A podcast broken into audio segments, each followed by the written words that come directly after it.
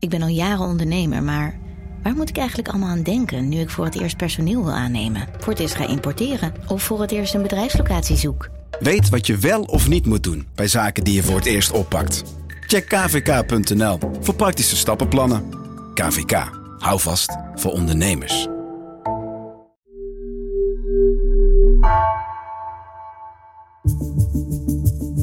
Vanaf de redactie van NRC het verhaal van vandaag. Mijn naam is Thomas Ruip.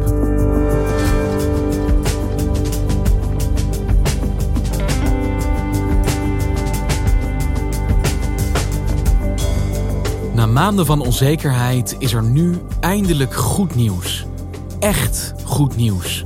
Want niet één, maar zelfs twee coronavaccins hebben de testfase met uitstekende resultaten doorstaan. En dat wordt er alleen maar meer. Dit is het licht aan het einde van de tunnel, zegt medisch redacteur Nicky Korteweg. Maar daarmee zijn we er nog niet.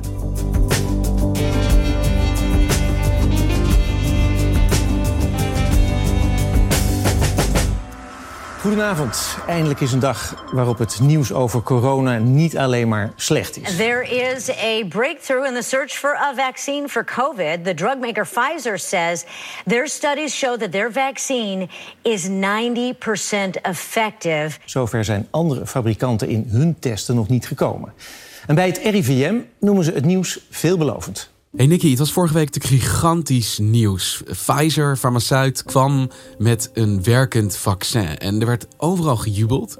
En ik merkte bij mij dat ik meteen iets gereserveerd krijg. Omdat ik denk, ja, maar hoe zou Nicky hier naar kijken? Hoe goed is dit nieuws nou eigenlijk? Oh, wat goed dat je dan gelijk aan mij denkt, Thomas. Vreselijk bedrukt meteen mijn stemming. nee, nee.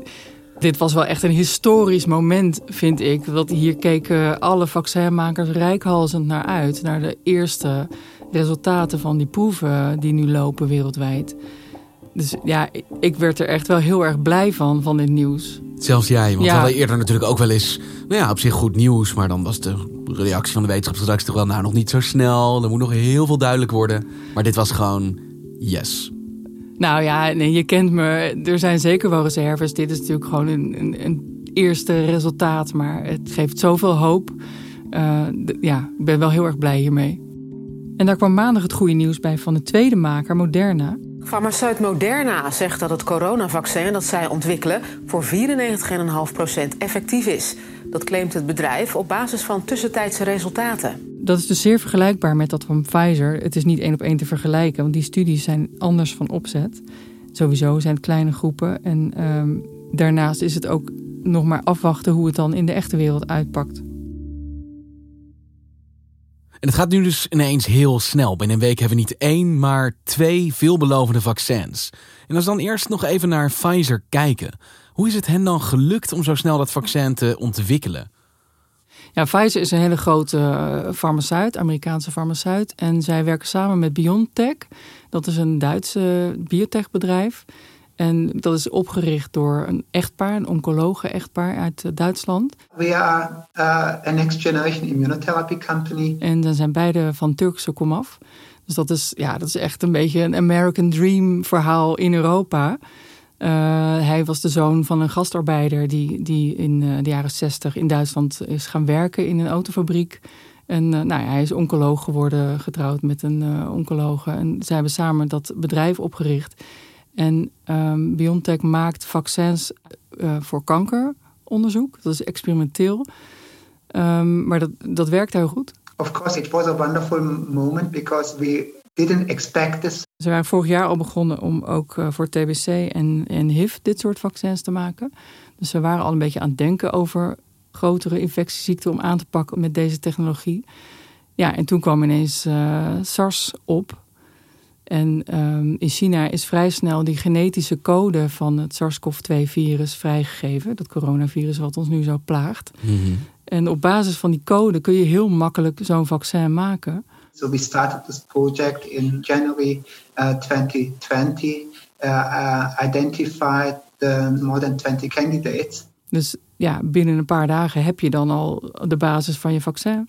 Dit echt per dag. We hebben een techniek die we nu voor iets anders gebruiken. We ja. gaan dit gewoon nu meteen ook op COVID toepassen. En ja. dat is dus We gaan Gelukt. het gelijk doen. En hij heeft er 40 man op gezet. En dat hele bedrijf is omgegaan naar, eh, naar COVID. An efficacy rate of over 90% is incredibly positive, and therefore we, we are absolutely happy with this outcome.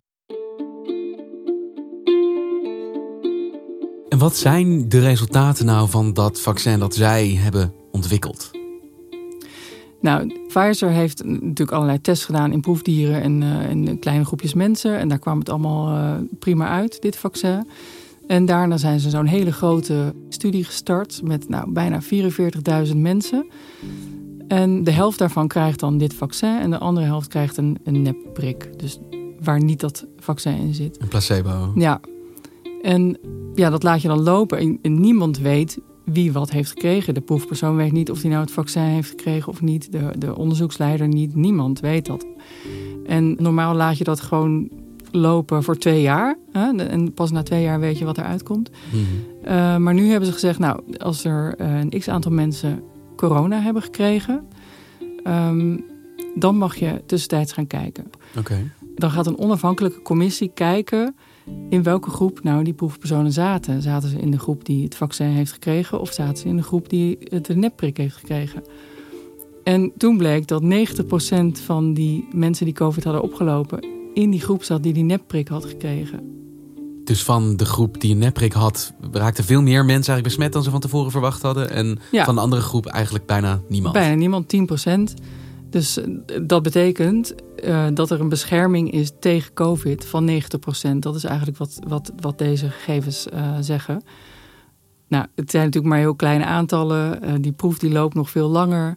Maar om te beginnen is dit wel echt een, het is een heel hoog percentage. Mhm. Ook in die studie van Moderna met eh, 30.000 mensen. Daar waren 95 deelnemers die COVID hadden gekregen. En daarvan zaten er vijf in de groep die het coronavaccin hadden gekregen. En veruit de meeste, 90, in de groep die een nepprik kreeg. Dit is echt al een resultaat. Ja. Nu komen ietsjes ingewikkelder vaarwater, denk ik. Want hoe werkt dit vaccin nou precies? Wat is het wat dat doet? Ja, het is een, een sliertje genetische code eigenlijk, RNA. En dat brengen ze de cel in. En in die cel wordt dan een stukje corona-eiwit gemaakt. En je afweersysteem raakt daardoor gealarmeerd, want het is een onbekend eiwit. Dat is wat het afweersysteem doet. En die gaat dan een, een afweerreactie opbouwen. Die maakt antilichamen en die eh, laat allerlei cellen aanrukken. En die bouwt een geheugen op, zodat als je dan besmet raakt met het echte coronavirus, dat je dan direct je afweersysteem paraat hebt staan om dat virus aan te pakken en te zorgen dat jij niet ziek wordt. Dus je laat je lichaam kennis maken met een ongevaarlijke coronakopie, zodat ze weten wat ze moeten doen op het moment dat corona echt je lichaam binnendringt. Ja, ja, dat is het principe van alle vaccins. Je, je spuit iets in wat een beetje lijkt op, uh, op de ziekteverwekker, maar waar je niet ziek van wordt. En er zijn allerlei manieren om dat te doen. En ja, dit is de allerlaatste, allermodernste manier om het te doen. Um, en die werkt dus kennelijk heel goed. En dit is de eerste keer dat een vaccin op deze manier ontwikkeld wordt. En het is dan ook meteen gelijk het vaccin waar we allemaal het meest het hardst naar hebben uitgekeken. Nou, het is niet de eerste keer dat het ontwikkeld wordt. Want het wordt al, uh, al veel langer gebruikt in experimenteel onderzoek. Uh, en dan vooral uh, tegen kanker, vormen van kanker. Um, en dat is tegelijkertijd ook wel het verschil. Het is nog nooit gebruikt voor een ziekte waar je een hele wereldpopulatie voor wil inenten. Het is tot nu toe altijd gebruikt om, om kleine groepjes mensen met kanker uh, in te enten en te kijken of dat tegen hun vorm van kanker werkt. Dus dat zijn kleine groepen mensen met een ernstige ziekte. En daar kun je ja, ook wel wat meer risico mee nemen soms. Hè, als iemand ten dode is opgeschreven, dan, dan probeer je nog misschien de laatste strohalm. En dat is natuurlijk heel anders dan wanneer je een enorme wereldpopulatie van gezonde mensen wilt vaccineren, dan, dan moet het niet zo zijn dat je daar nog een, een nare bijwerking van krijgt. Dus dat is wel echt iets waar, uh, waar heel erg op gelet wordt. Je kunt het niet afstemmen op elk individu. Nee, en je mag er gewoon niet ziek van worden natuurlijk. Je, je wil er geen bijwerkingen van, van hebben. Dan krijg je geen COVID, maar dan krijg je bijvoorbeeld een andere bijwerking. Dat moet absoluut uitgesloten worden.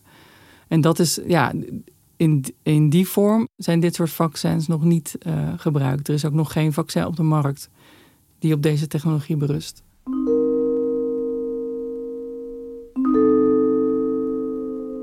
Dit vaccin is nu ontworpen. De eerste resultaten zijn nou ja, buitensporig positief eigenlijk.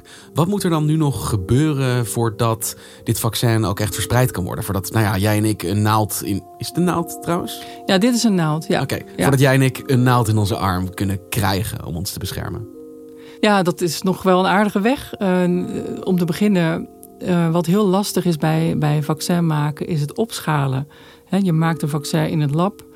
Uh, en dat test je dan op dieren. En dan maak je het in iets grotere hoeveelheden om dat te testen op, op groepjes mensen. Of zoals nu dan uh, op 10, 20, 40.000 mensen.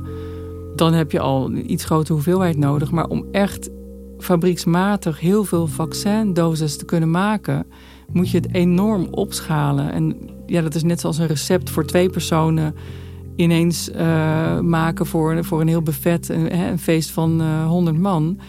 Dat is niet zomaar alles keer 50 en, uh, en roeren maar. Dan moet je echt helemaal opnieuw uitvinden welke verhoudingen nou het beste zijn. Ja, dus je hebt meer pannen nodig dan meer gasfornuis en op een gegeven moment meer ja, keukens ook. Veel grotere pannen en, en veel meer mensen. En, ja, je hebt gewoon meer, meer, meer van alles nodig. En um, ja, farmaceuten die zijn natuurlijk al fabrieken aan het inrichten of, of zelfs al bouwen. Um, maar wat, wat heel belangrijk is, is de tech transfer, zo heet dat in, in, uh, in de farmaciewereld. Uh, tech transfer. Tech transfer. Dat is dan degene die de kennis heeft over hoe je dat vaccin maakt, waar je op moet letten, wat de cruciale stappen zijn. Die moet dan naar die fabriek om, om dat daar te implementeren en daar de mensen op te leiden dat zij weten welke stappen er nou precies belangrijk zijn en waar je op moet letten. Uh, er moeten apparaten uh, gekocht worden, geleverd worden, die fabriek moet worden ingericht. Er moeten enorme ketels komen waarin dat gemaakt wordt. Dus dat is geen sinecure. Dat klinkt allemaal van, oh nou, uh, dan schaal je het op in de fabriek en, uh, en vullen maar die flesjes. Ja, maar dat vrachtwagens is... aan het rijden en je komt er wel. Ja, maar dit is echt, uh, ik heb een aantal vaccinmakers ook gesproken. Dat is echt, zij zeiden al, ja, nu is ons werk zo'n beetje klaar. Maar die mensen die nu die productiekant moeten regelen, dat, ik geef het ze te doen. Want het moet over de hele wereld. Hè? Je moet op allerlei locaties verschillende plekken inrichten. En wat is dan de volgende stap? Nou ja, dan heb je het verpakken. Hè. Uiteindelijk als je, je je product hebt, de, de vloeistof waar je vaccin in zit, in grote hoeveelheden. Dat, ja, je hebt echt duizenden liters nodig natuurlijk. Dan moet dat in flesjes of in, in, alvast in injectienaalden. Nou worden er meestal flesjes gebruikt, 2 milliliter flesjes bijvoorbeeld. Mm. Maar ook daar is al uh, nu een tekort aan. Glass vials are the safest way. They can withstand cold temperatures, are resistant to contamination, but they require highly specialized machinery to make. And if at least 7.7 billion glass vials are needed to treat every single person on the planet, there's nowhere near enough. Alles moet gemaakt worden. Alles vereist grondstoffen. Die grondstoffen worden schaars, die producten worden schaars. Nou en dan heb je nog de, de opslag. Dat vaccin van Pfizer, dat moet bij min 80. Gewoon echt diep, diep gevroren. En ja, dat is weer een obstakel op zichzelf. Want dan moet je een hele grote min 80 vriezer hebben. En dat moet je niet alleen hebben op de plek waar je toedient, maar ook al eh, in de fabriek waar je het gemaakt hebt en opgeslagen hebt. Die moeten dan in een vrachtwagen of in een vliegtuig die moeten dat ook kunnen vervoeren. Dus al dat soort materialen zijn ook nodig. Dat is wel een voordeel van het vaccin van Moderna. Dat hoeft niet bij min 80 graden Celsius bewaard te worden. Dus niet in die ultra koude vriezers. Maar dat kan gewoon bij uh, min 20, dus in een normale vriezer, blijft het zes maanden goed. En in de koelkast zelfs ook nog een maand. Dus daar kan het wel een streepje voor hebben op dat van Pfizer. Dus Pfizer was dan wel de eerste die resultaten liet zien. Maar dat wil dus nog niet meteen zeggen ook dat hun vaccin hetgene is dat wij als eerste straks gaan gebruiken. Nee, nee. Hey Nicky, de vraag die ik eigenlijk niet wil stellen, maar natuurlijk wel moet stellen. Hoe lang gaat het, denk jij, dan duren voordat er ook echt een vaccin beschikbaar is straks? Ja, nou, Pfizer heeft gezegd dat ze uh, de derde week van november verwachten dat ze voldoende gegevens hebben. We need to collect further data and learn about that. We expect uh, to have a full data set with our primary endpoint analysis, uh, which requires about 164 uh, infection cases in about two to three, three weeks from now. Ze wachten nog op iets meer besmettingen. Deze week? Dat is deze week, of eind deze week. Maar dan kunnen ze het indienen bij de FDA, de Amerikaanse geneesmiddelenautoriteit. Die gaat beoordelen of die gegevens echt voldoende zijn. Dan moet het voor Europa nog langs de Europese Commissie. Dat zal natuurlijk ook wel een week of twee duren. En dan moet de Gezondheidsraad in Nederland zeggen hoe het dan daadwerkelijk gebruikt gaat worden. Nou, die gezondheidsraad komt ook deze week met een advies hoe zij het voor zich zien. Uh, dus ja, dat, het gaat allemaal veel sneller dan ooit tevoren. Maar daar gaan nog wel een paar weken overheen.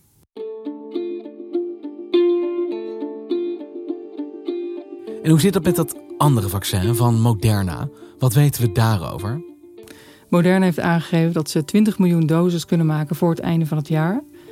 Ja, dat is dan voldoende voor 10 miljoen mensen. Dat is al wel wat, maar is natuurlijk nog, nog lang niet genoeg. Moderna hoopt dat ze tenminste 500 miljoen doses kunnen maken in de loop van 2021. Misschien zelfs het dubbele, maar dat hangt ook weer af van de grondstoffen die ze. Als die opraken, dan kan dat niet. Dus ja, het zal allemaal uh, gaandeweg in de loop van 2021 beschikbaar komen.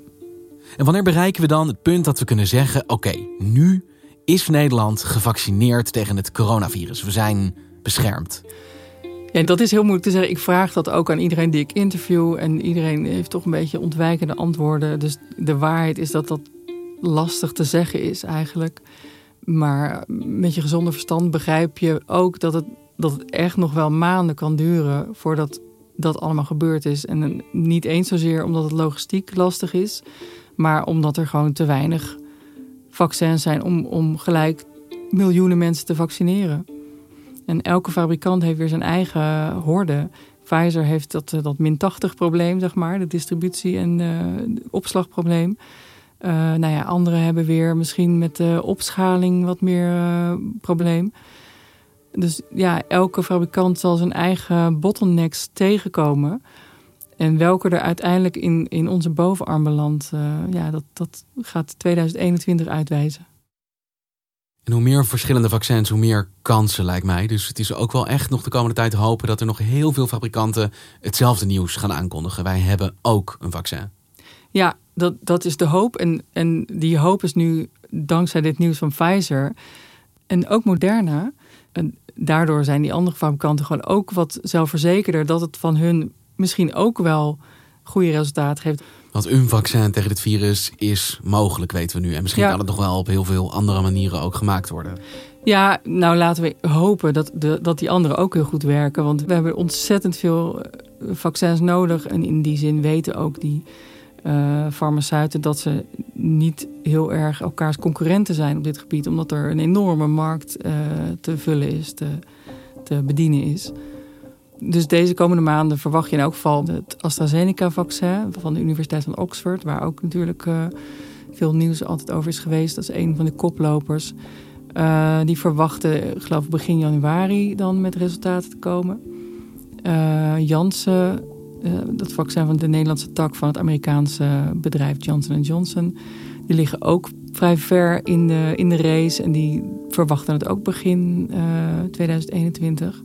Dus ja, er komt gelukkig wat aan. En, en ja, de hoop is dat, dat ook zij uh, goede resultaten laten zien. Want we weten nu, het kan. Het kan.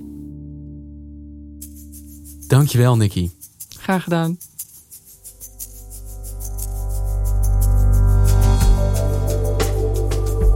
Je luisterde naar vandaag, een podcast van NRC.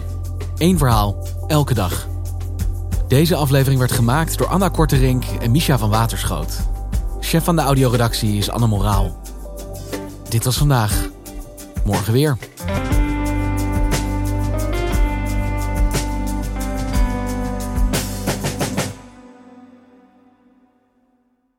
Technologie lijkt tegenwoordig het antwoord op iedere uitdaging. Bij PwC zien we dit anders. Als we de potentie van technologie willen benutten, kunnen we niet zonder een menselijk perspectief. Human-led, tech-powered noemen we dat. Ga naar pwc.nl.